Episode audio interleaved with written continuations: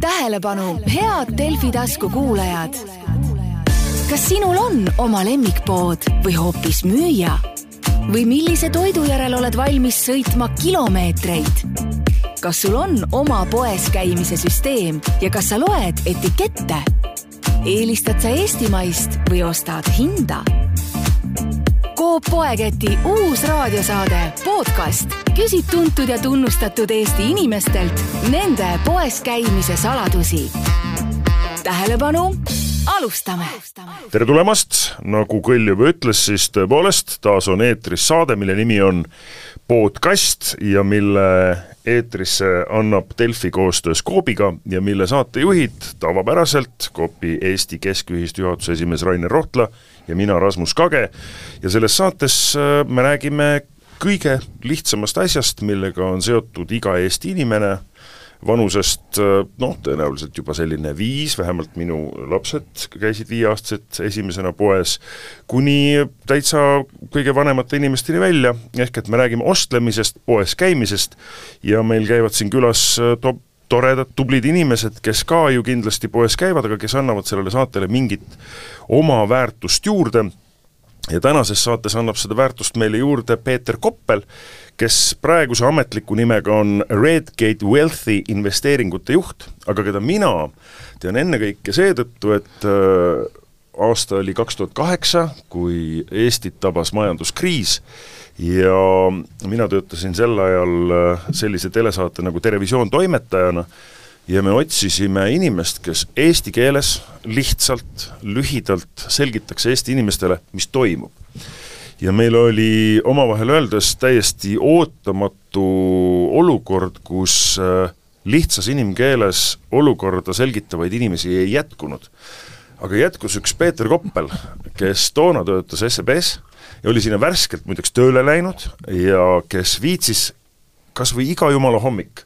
tulla seista Eesti inimeste ees, lihtsalt väga rahulikult näidete ja võrdlustega selgitada, mis nüüd toimub,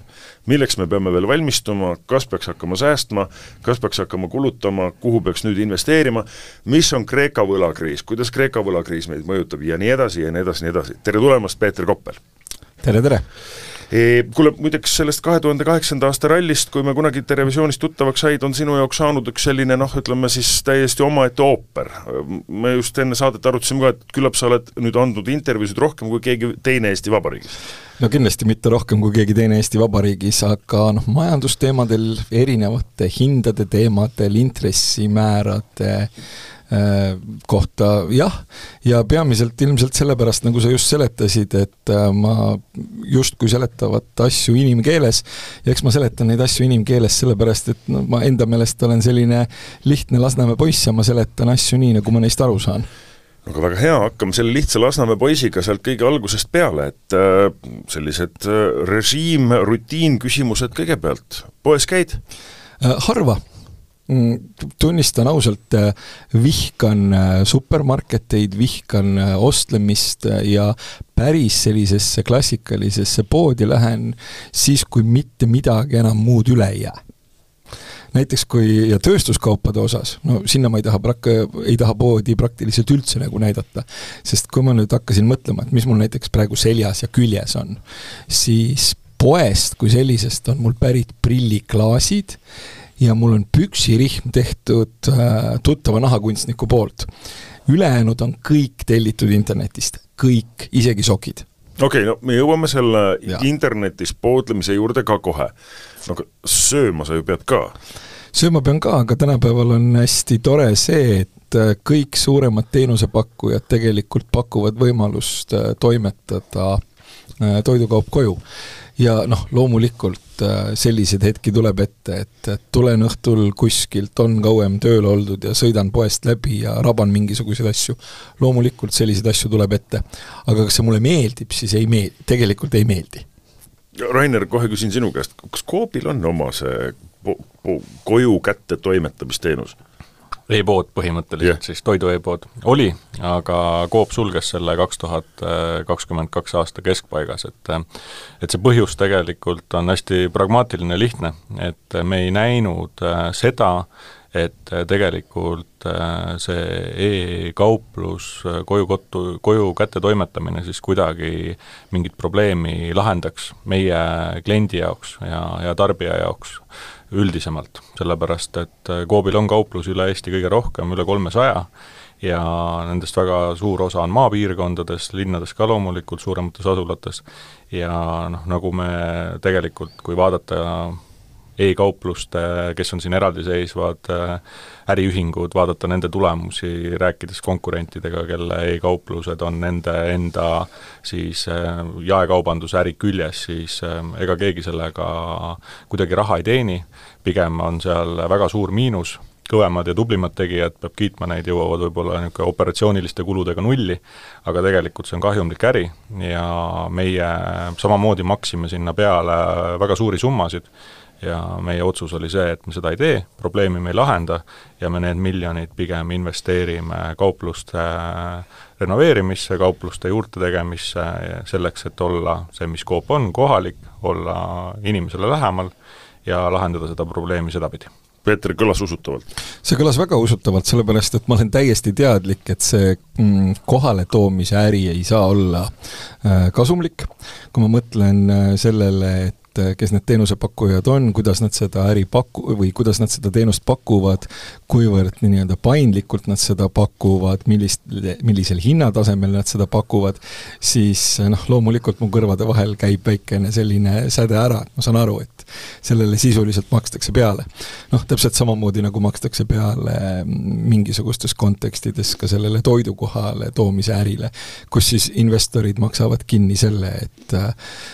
Peetri-sugused saaks äh, praktiliselt äh, tasuta kohaletoomisega mingisugust teravamaid sellist krevetisuppi süüa no okei okay., me jõuame kohe ka siis selle maailmani, mis minu jaoks on täiesti avastamata, ma, mina ei ole siiamaani kordagi tellinud piima ega jahu, leiba, saia läbi interneti, aga no me räägime sellest kohe. aga päris poes sa ikkagi lõpuks käid ju ka mingil hetkel Äh, väldin maksimaalselt, aga käin küll, jah. no millises sa käid siis? Äh, käin selles, mis on kodule kõige lähemal ja kodule kõige lähemal üks on Rimi, teine on Selver. Äh, Selveris noh, ütleme, see sõltub täpselt sellest, et millist marsruuti kaudu ma koju noh, Kalamajja sõidan. Selveri kohta ma ütleksin, et et äh, hinnatase on selline, mis paneb kul-, kulmu kergitama, äh, Rimi on selline, mille selline üldine tase paneb kulmu teistpidi kergitama, ehk siis nad jällegi, mulle kumbki ei meeldi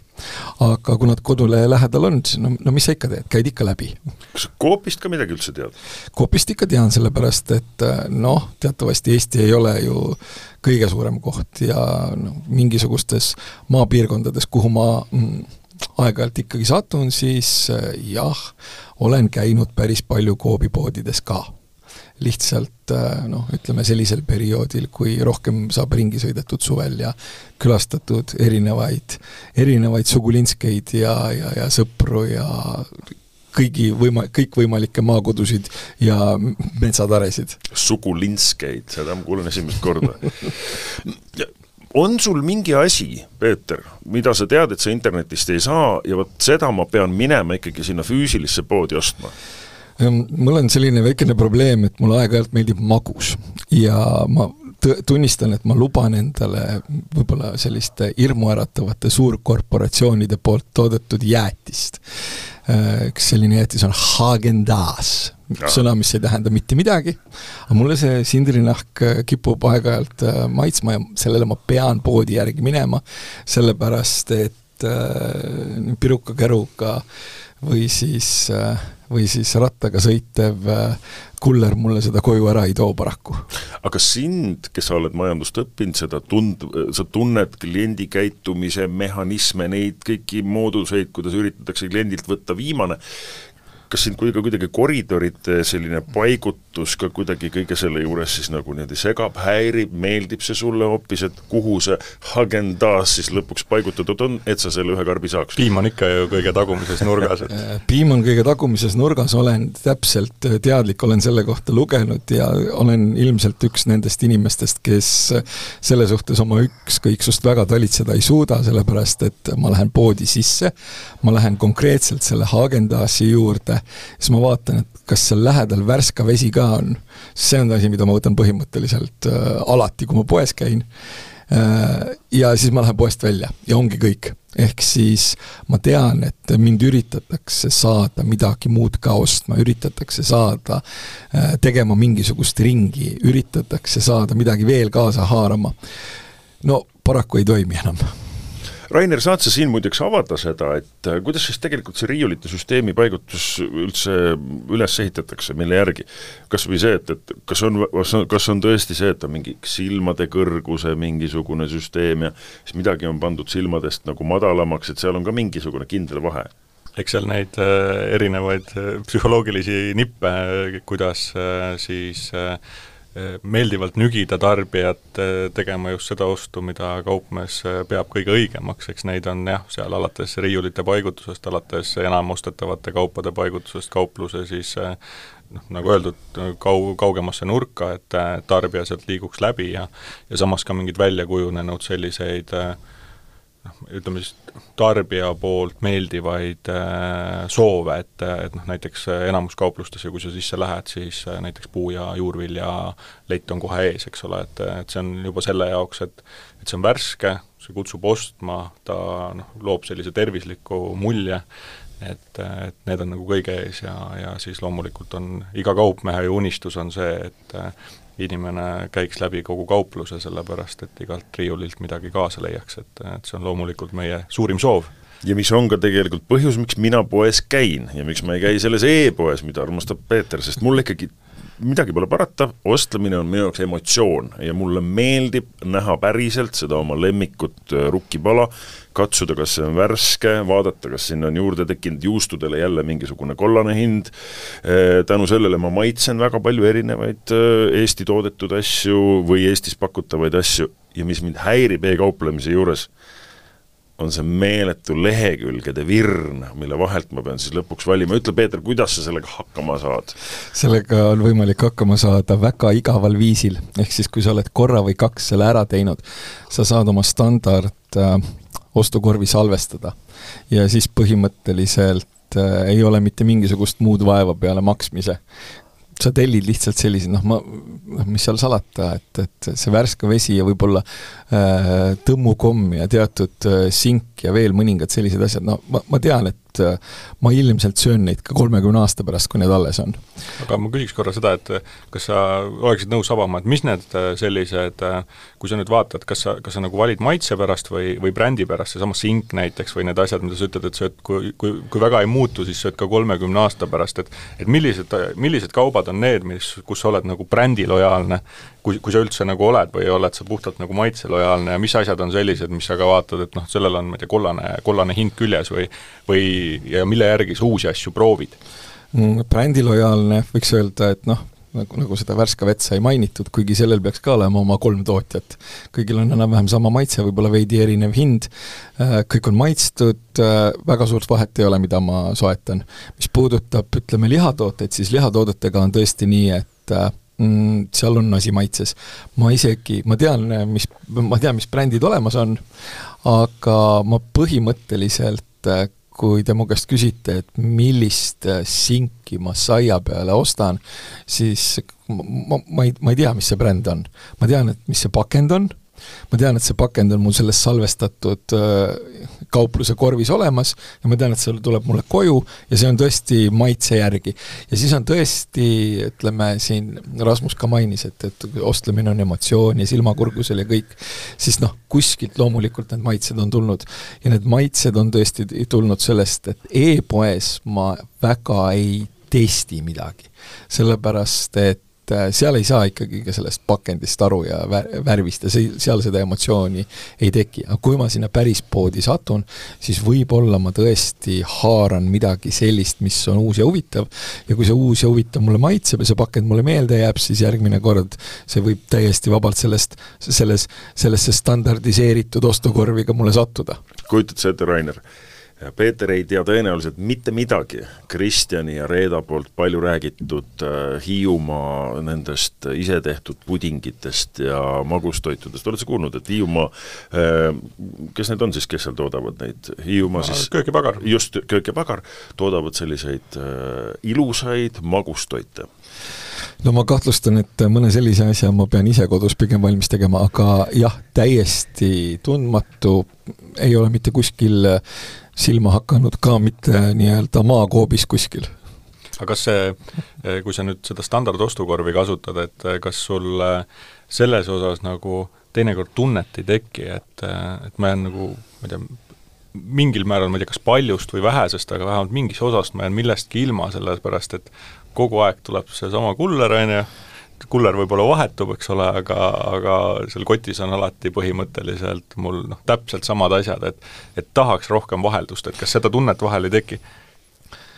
Tunnistan ausalt, ei teki. Mhm. ja noh, nagu öeldud, siis tegelikult ju seal mingisugune vaheldus ikkagi on, sellepärast et aeg-ajalt ma ikkagi sinna päris poodi ka satun ja mingisuguseid uusi tooteid äh, ka proovin, aga muidu selles suhtes ma tunnistan, et ilmselt ma olen suhteliselt igav oma selle salvestatud äh, ostukorviga, noh, ja kusjuures noh, mõnes kaupluses võib-olla mõnda toodet ei ole, mis mulle meeldib ja siis ega mul ei ole siis neid salvestatud ostukorve mitte üks mul neid peaks olema, ma kohe mõtlen, kolm on vähemalt mul neid. nii et äh, ei, mul ei teki sellist tunnet, et ma millestki ilma jääks mm, ja noh, mis seal salata, kui ma siis sinna poodi satun, siis mulle tegelikult ka meeldib see, kui antakse midagi maitsta Äh, ja eriti, kui seal on mingisugused sellised tegelased, kes on äh, noh, kuidas ma nüüd ütlen, mm, ei, need maits, ma-, maitsta pakkujad on sellised, kes ei põe eestlaslikke sotsiaalfoobiaid. Et nad teevad seda sellises võib-olla Ameerika raamatumüüja stiilis, siis ma ikkagi lähen vaatan, imetlen nende sotsiaalseid oskuseid ja siis mõtlen, et kas ma seda juustu, mida nad pakuvad, päriselt ka tahan. Noh, need, kes äh, neid ameeriklalikke müügioskusi pakuvad, need tavaliselt midagi maitsta ei paku, need pakuvad sulle kas mingit äh, telekomi paketti või paremat pensionifondi, et aga Peeter, ma tean tegelikult, et ühes poes sul kindlasti ikkagi natukene see kanonahk äh, ihule tuleb ja, ja seda sa ikkagi päriselt äh, e-poest äh, neid asju ei osta. ma arvan, et sa oled suur autofänn ju, et noh, autopoes käid ikkagi hoopis teise emotsiooniga ju sellega on nüüd selline lugu, et kui ma mõtlen seda autot, millele ma praegu sõitsin, siis äh, see sai ostetud nii, et ma ei olnud sellisega proovisõitu teinud, ma ei olnud seda elusast peast äh, näinud, ma valisin selle nii-öelda veidikene kasutatud versiooni jälle internetist välja ja ütlesin esindusele, et tooge mulle nüüd see. ehk siis äh, ka selles osas on tegelikult minu selline käitumine muutunud üks äh, võib-olla selline koht, kus saab öelda, et võib-olla natukene rohkem tuleb, äh, tuleb, tuleb vaeva näha ja tuleb ikka poodi kohale minna, on äh, jalgratas. sellepärast, et noh, see peab kehale sobima. aga ka sellega ma olen sunnitud äh, nentima, et noh, ma enam-vähem teadsin, mida ma tahan, ma teadsin, mis mu mõõdud on, ma teadsin, millega on hea sõita ja ka minu viimane jalgratas tuli äh, Saksamaalt mingisugusest äh, laotühjendusmüügist mõistliku hinnaga ja ma olen sellega ideaalselt rahul. nii et äh, selles mõttes ma olen ilmselt sellise klassikalise jaekaupleja õudusunenägu ja, ja, ja, ja ilmselt on neil klassikalistel jaekauplejatel väga hea meel, et minusuguseid väga vähe on no me peame korra selle ära küsima, et mis auto sul siis on, millega sa siis täna siia tulid?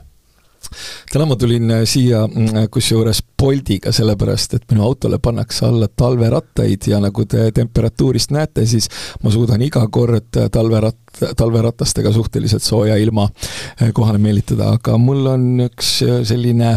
kahe uksega natukene edevam, aga mitte eriti kallis BMW. väga äge, kuhu ma sellega jõuda tahtsin, on see, et, et sa mainisid ratast, mille sa ostsid laomüügist ja nüüd on see selline ootamatu vastuolu, kus mõni inimene võiks arvata, et et noh, küllap ta on nii rikas, on ju, et sellepärast ta ei viitsigi neid hindasid vaadata, pannud talle kolm välja vaadatud poekorvi ja, ja ta lihtsalt vajutab nuppu ja siis need tuuakse kohale, seal kindlasti Austriat ka ja nii edasi. kuidas tegelikult on, oled sa selline äh, ma ikkagi vaatan hinda, Kristjan Jõe kaldalik, kui poes antakse odavat WC-paberit, siis hoolimata sellest, et kelder on täis, ma ikkagi võtan veel, või sa ei vaata hinda? Äh, olen sunnitud tunnistama, et äh, toidukaupade puhul ikkagi minimaalselt. ma, ma küll olen äh, täheldanud, et ütleme, kui ma mõtlen, ostan suhteliselt sarnaseid asju ja võrreldes kahe tuhande üheksateistkümnenda aastaga on see hinnatõus on olnud suhteliselt dramaatiline. aga mis puudutab, ütleme, selliseid veidikenegi kallimaid asju mis puudutab tööstuskaupu, siis ma kunagi olen olnud äh,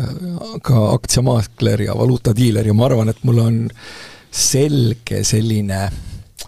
professionaalsest, kunagisest professionaalsest kretinismist tul-, tulenev probleem, et esiteks ma tahan mingisuguses, mingisuguses kontekstis kaubelda, kui ma juba kohale lähen ja midagi suurt ostan, ja teine asi on see, et äh, ma ikkagi tahan saada asju kätte sellise hinnaga, et mul oleks endal mõnus tunne, sellepärast et see jalgratas tuli äh, sellisest e-poest, mis asus Google'i otsingus viiendal leheküljel ja noh, ütleme niimoodi, et Google'i otsingu viies lehekülg on ikkagi selline koht tavaliselt, kuhu normaalne inimene ikka enam ei satu. et kui ta juba kolmandal on, siis ta on ikka korralik kaevur juba. Mm. aga see oli Google'i otsingu viiendal leheküljel ja täitsa olemas oli ja hind oli noh, no ütleme niimoodi, et häirivalt mõistlik. ehk siis ma tööstuskaupade puhul ajan taga väga-väga-väga selliseid hindu, mis mulle meeldivad. Ja, ja mitte ainult kalliste tööst-, tööstuskaupade puhul ikka, no ma ei tea, jalanõude puhul ka, näiteks. Ehk et sa tegelikult ikkagi nagu äh, majandusinimesena hoolid sellest, et see, mis sa ostad, esiteks oleks kvaliteetne, peaks vastu ja teiseks oleks äh, hinnaga, mis ka sellele kaubale väärt, ütleme siis nii-öelda tegelikult nagu õige väärtuse annab jah, sellepärast et ka internet on tegelikult tekitanud sellise olukorra, kus on võimalik äh, võrrelda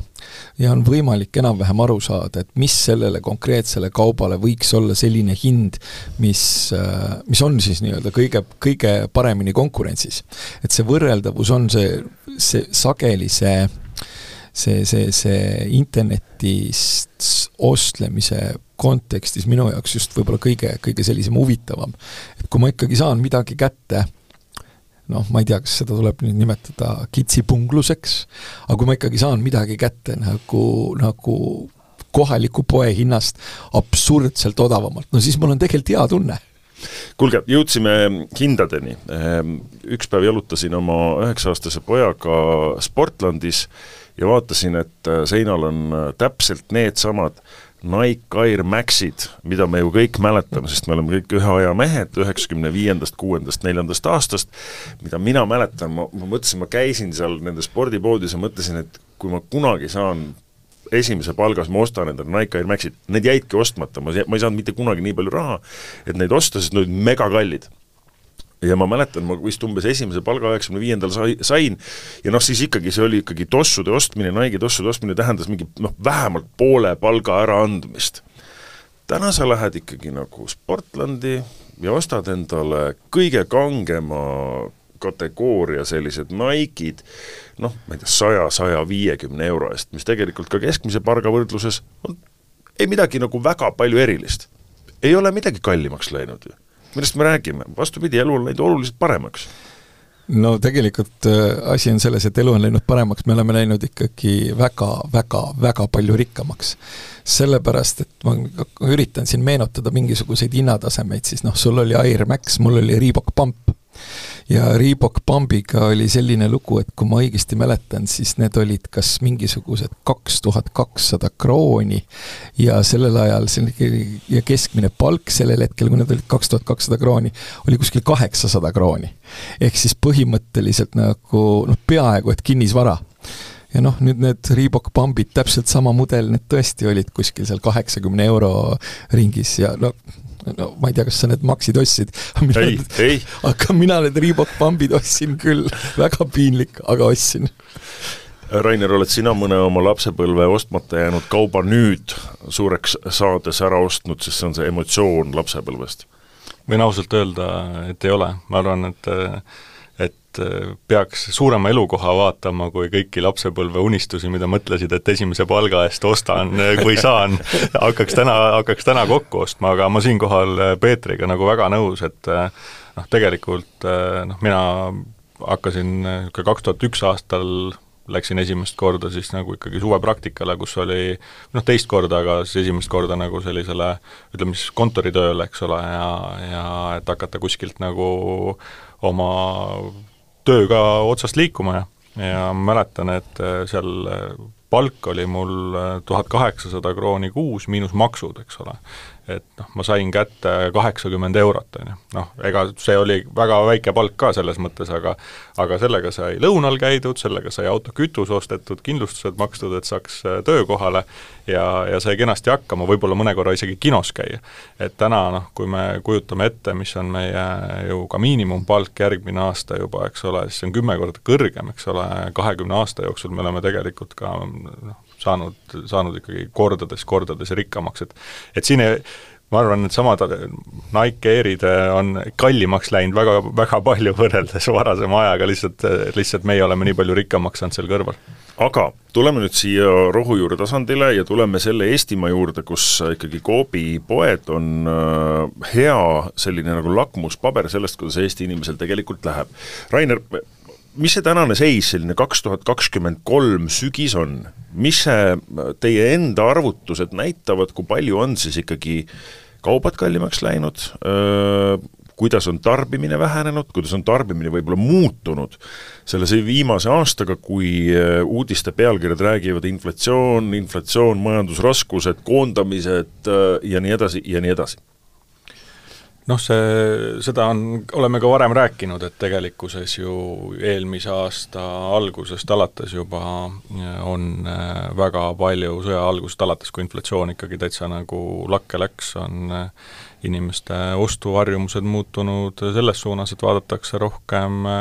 vaadatakse rohkem hinda ja vaadatakse just seda kollast hinda, mis siis äh, kampaaniahinnana kaupluses on, et, et saada oma toidukorv soodsamalt, kampaaniakaupade kogused on kogu aeg äh, kerges kasvus,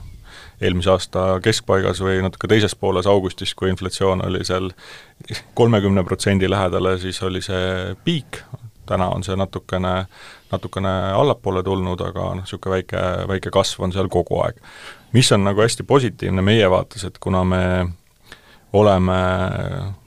jaekett, kes müüb sõna otseses mõttes kõige rohkem Eesti tootjate kaupu et, et äh, kuuskümmend viis protsenti pluss meie käibest on Eesti tootjate kaubad ja, ja üle ühe koma viie miljoni euro päevas, siis äh, see on hästi tore, et tegelikult Eesti inimene ei ole siis äh, kuidagi saanud nügitud sellest inflatsioonist nagu väga tugevalt nagu kuhugi importkauba suunas, mis on võib-olla tõesti noh, nõks nõks soodsam, et ma rõhutan seda, et ta ei ole nagu odavam, et nagu räägitakse, et see on nii palju odavam Eesti kaubast, ei ole, ta, mingid tooted võivad nõks soodsamad olla, aga suures plaanis, kui sa nagu hästi otsid, vaatad, siis sa leiad väga kenasti ka sellesama eestimaise tootja toote, mis äh, samas kategoorias on põhimõtteliselt samas hinnajärgus, et võib-olla räägime paar senti siia-sinna, aga sa saad ikkagi selle Eesti, Eesti tootja kauba. Päris sellist nagu või pealt tagasi margariini peale liikumist on ka täheldada või? Seda niimoodi ei ütleks, et on, et või, või hind on tegelikult ka üks, mis on allapoole tulnud ja, ja see võrreldes siis eelmise aasta, ma ei tea, augustiga, et, et, et see on kindlasti ka taskukohasemaks muutunud.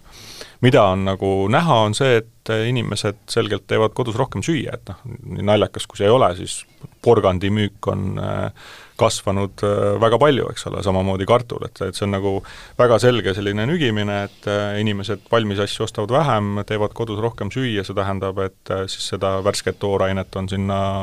koju kööki rohkem vaja, millest midagi teha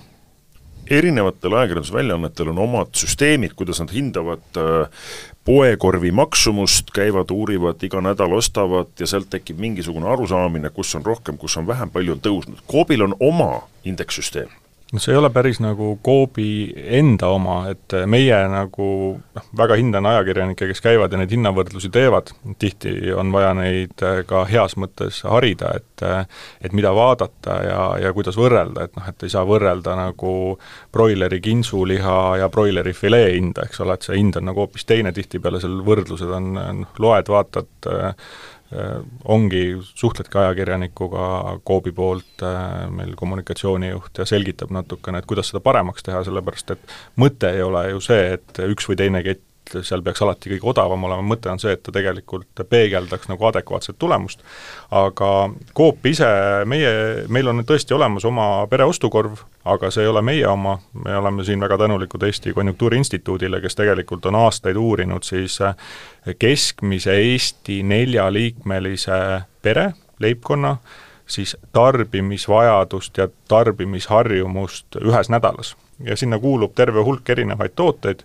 Coopi kodulehelt saab vaadata, see on pereostukorv seal, ja, ja selle alusel teeme meie oma pereostukorvi hinnavõrdlust siis äh, juba aastaid. ja, ja saame sealt kätte tegelikult väga ilusa trendi, et kuidas see liigub. Ja just siin, kuna Peeter on saates, siis äh, tekkis selline mõte, et, äh, et tahaks selle muuta, kuna meil on ajalooliselt nii pikk vaade, ta on olnud, see pereostukorvi sisu on püsinud suhteliselt muutumatuna ja, ja sellest lähtuvalt me saaksime sinna tegelikult luua teatava indeksi, et näidata seda, kuidas siis see pereostukorvi kättesaadavus on ajas muutunud siis lähtuvalt näiteks keskmise palga kasvuga, et et kuidas see liikumine on. Ja siinkohal äh, Peetrilt küsikski, et, et kuidas sa nagu näed, et kas selline indeks, millel tegelikult nagu on väärtus, mis näitab ära, et üks asi on inflatsioon ja, ja siis üldine hinnatõus, noh loomulikult äh, meie pere ostukorv ei näita nagu sada protsenti seda, et eh, palju on hind tõusnud kaupluses keskmiselt, aga ta näitab seda, et tegelikult see, mis Eesti Konjunktuuriinstituudi poolt loodud pereostukorvi siis sisu on, et tegelikult nagu tehes, mida ma ka alati rõhutan, et et ei pea minema meelevaldselt valima, vaid tehes kaupluses tarku otsuseid, tegelikult eh, see hinnatõus, mis keskmine inflatsioon näitab, ei ole nii suur, on ju. Et, et kuidas sa, Peeter, näed, et kui me vaatame, et meil on siin mingid eh, kinnisvaraindeksid ja muud asjad, et kas meil võiks olla selline täitsa noh, Konjunktuuriinstituudi poolt just rõhutan, et see ei ole meie enda loodud äh, pereostukorvi sisu, et, et niisuguse Eestis tuntud äh, teadusliku organisatsiooni poolt äh, antud sisend ja selle peale indeks ehitada, kuna meil seda datat pikalt on, kas see oleks mingi väärtus, mida sinusugune finantsgeenius ütleks, et võiks teinekord ka mõnes teises podcastis kasutada või, või kommentaaris öelda, et vaata, et, et jälgige seda, et see tegelikult annab päris, päris mõistliku noh, pildi leian, et võiks küll, sellepärast et selliste indeksite puhul on äh, väärtus just nimelt selles, et esiteks ta oleks tehtud äh, ausalt, et tal oleks pikaajaline ajalugu ja et äh, see standardiseeritus oleks, põhineks, eks ole, teaduslikel alustel ja see on hästi oluline, et kõik seda ka kasutaks, et ma saan väga hästi aru, et erinevad ajakirjandusväljaanded tahavad ka selles kontekstis mingisugusel viisil konkureerida, aga see tekitab olukorra, kus noh, neid andmeid on liiga palju, need ei ole omavahel võrreldavad ja minu meelest võiks olla küll selline nii-öelda konjunktuuriinstituudi välja töötatud indeks, mis näitaks, et kuidas meil nende toidukaupadega ikkagi tegelikult äh, lood on. ja noh, kas ma seda ise kasutaks ja vaataks, noh, on palju teisi indekseid, mida ma tõenäoliselt vaataksin enne seda, aga ma tunnistan, et ma tegelikult ikkagi vaataksin, sellepärast et äh, ma tahan, äh, sageli otsin võib-olla oma mingisugustele sellistele mõtetele kinnitust ka datast ja graafikutest. ja noh, ma tahaks ikkagi teada, et kas minu arusaam sellest, et kui palju võrreldes kahe tuhande üheksateistkümnenda aastaga toidukaupade hinnad tõusnud on, et kas, kas, kas ma suudan oma sellise enda peas eksisteeriva prots-, protsendinumbri mingisuguse nagu päris dataga ära valideerida või mitte Rainer, aga mida see number näitab, mida see praegune, see teie, sa mulle näitasid seda, natuke ava seda ka ikkagi nagu raadiokuulajale. Noh, pe-, pereostukorvi hinna muutus ajas kui selline, see on lihtsalt äh, siis number, eks ole, mis on ajas muutunud, ta on samamoodi kasvanud siin äh, inflatsiooni ajal loomulikult, aga aga selle indeksi mõte oleks just see, et me lihtsalt ei vaataks seda pereostukorvi hinda, aga me suhestaks teda mingisse muud, muusse näitajasse, mis siis äh, inimese ostujõudu või ostujõu kasvu kuidagi siis äh, esile toob. Ja noh, tänane see esialgne mõte on, on see, et me suhestaks seda keskmisesse palka ja, ja sai see graafikule pandud ja siis see näitab seda, et me teame kõik, et meil oli tegelikult äh, väga head ajad siin kaheksateist, üheksateist, kakskümmend, kakskümmend üks veel, kus tegelikult inflatsioon oli madal, palgakasv oli, oli päris korralik, eks ole, kõik me saime päris palju rikkamaks ja ostujõud kasvas, seal on väga selgelt näha see, et tegelikult äh, keskmine palgakasv on tunduvalt äh, joonest ülevalpool pere ostukorvi vaates, aga see murrang toimus siis kakskümmend kaks aasta juulis, kui tegelikult inflatsioon läks noh, nii käest ära, et, et tegelikult palgakasv enam ei toetanud ja seal me näeme seda, et pereostukorvi hinnakasv muutus kiiremini kui keskmine palk mis tähendab seda, et kättesaadavus põhimõtteliselt äh, vähenes. Ja mis on nagu positiivne vaade, mida ma olen enne ka siin äh, öelnud erinevates intervjuudes, et noh, mina arvan, et see nagu kõige hullem põhi nagu tarbija jaoks on möödas, et äh, ja seda tegelikult ka see meie vaade näitab, et, äh, et selle käesoleva aasta juunis siis tegelikult toimus siis taaskord ristumine, et keskmine palgakasv tegelikult läks nõks läbi siis pere ostukorvi hinnakasvust, äh, mis on ka nüüd stabiliseerunud viimasel neljal-viiel kuul ja natukene isegi siin september-oktoober nõks allapoole tulnud, ehk siis võiks tegelikult nagu hästi üldiselt järeldada, et meie inimese keskmise Eesti inimese keskmise palgast lähtuvalt suhestutuna pere ostukorvi, eh, meie ostujõud on siis eh, põhimõtteliselt taastunud mitte kaks tuhat kakskümmend aasta tasemel, aga vähemalt kakskümmend kaks aasta juuli tasemel. nii, Peeter, kõike seda kuulates, kas sa nüüd ütled, et tõepoolest äh, kergeks optimismiks on põhjust või tõmbad meile külma duši praegu korralikult kaela, ütled sõbrad, lõpetage see jama? No ma ei ütle, et lõpetage see jama, aga noh, mina olen ikkagi mõnevõrra mures äh, selle meie majanduse pärast ja ma olen mures sellepärast, et kui ma vaatan seda, milline on olukord äh, töötlevas tööstuses ja milline on olukord välisnõudlusega, siis põhimõtteliselt äh, noh, meil on väga hästi läinud, et ei ole tööpuudus kasvama hakanud märkimisväärselt, aga ma kahtlustan, et ta siin ikkagi nagu talve jooksul võib kasvama hakata ja noh, ega meil nüüd ka selle majanduskasvuga teatavasti eriti head lood ei ole äh,. Eriti head lood ei ole küll ka paljudki sellepärast, et inflatsioon on väga, väga kõrge siiamaani,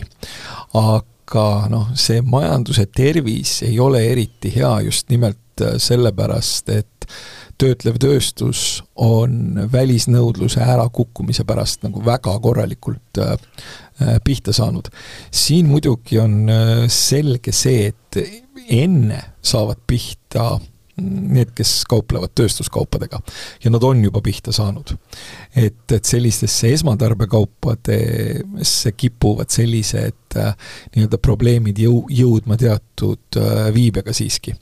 aga noh, kui me siin mõtleme mingisugustele tööstuste tellimustele näiteks ja leiame, et need, avastame need kuskilt mingisugusest samast kohast, kus kaks tuhat kakskümmend kevad näiteks, kus keskealised mehed istusid Zoomi koosolekutel ka maskidega ja ütlesid, et nad mitte kunagi enam välja ei lähe, on ju, ja mingit nõudlust ei olnud,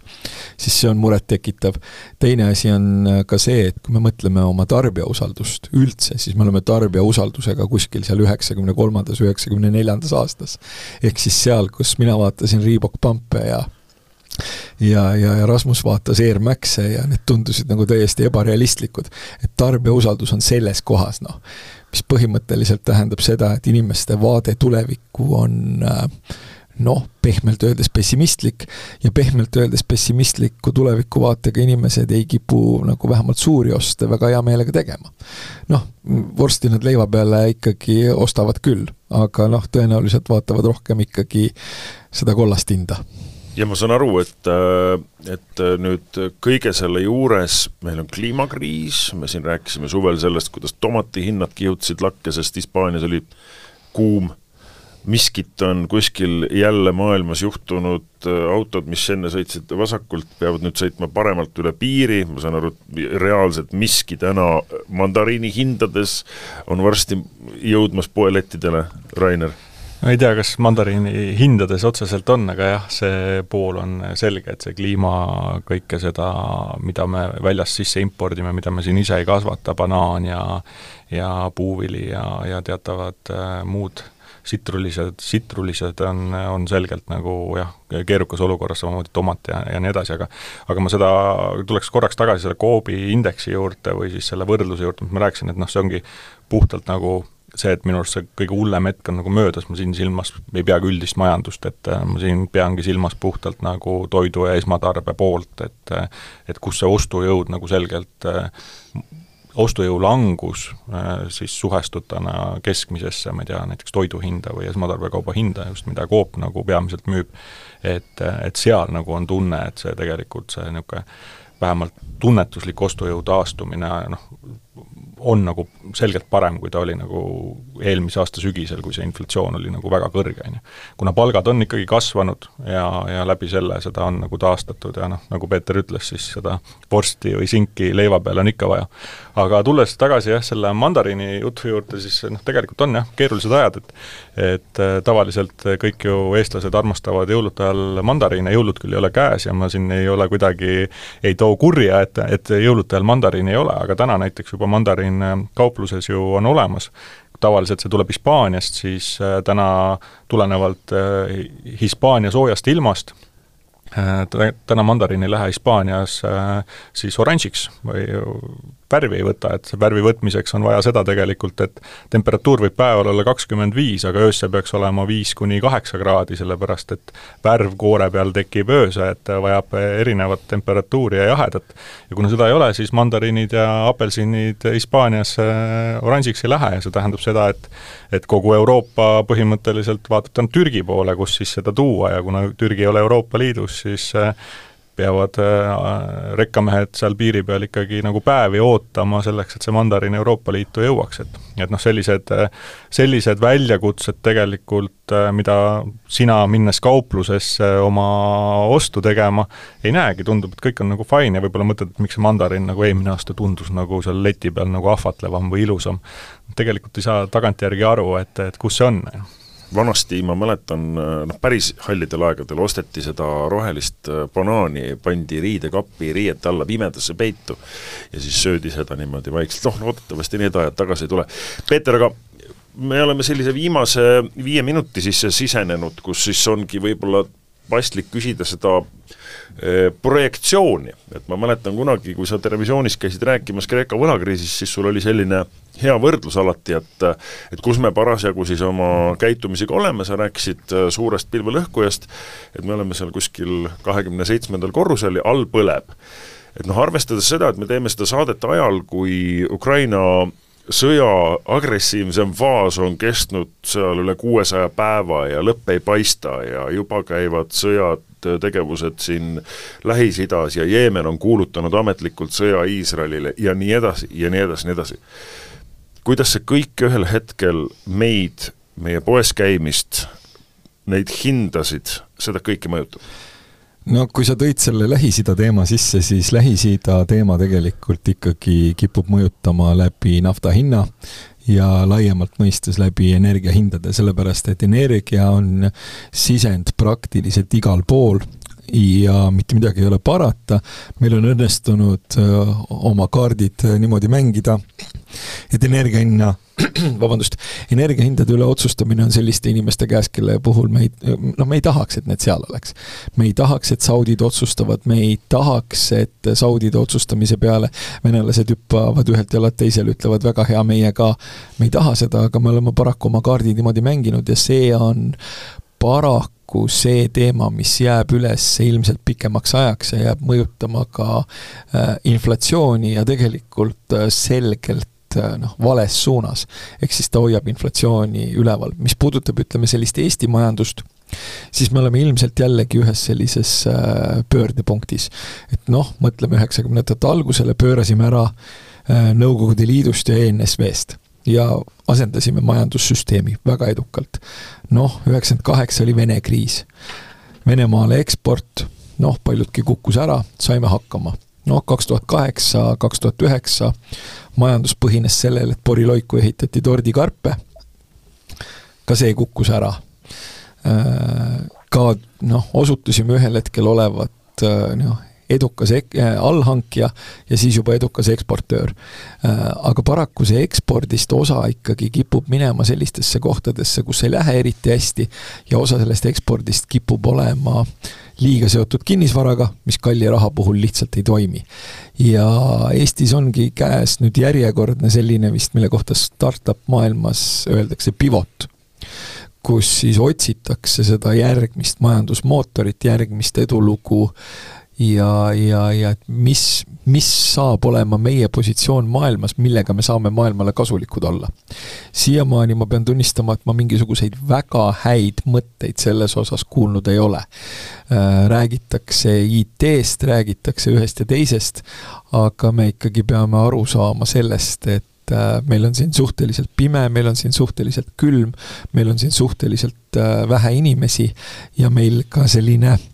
suhteliselt mõnus äritegemise keskkond kipub olema no see on ainukene üks niisugune konkurentsivõime nii-öelda maailma kontekstis kipub olema selline, mis äh, äh, halveneb kahjuks. et äh,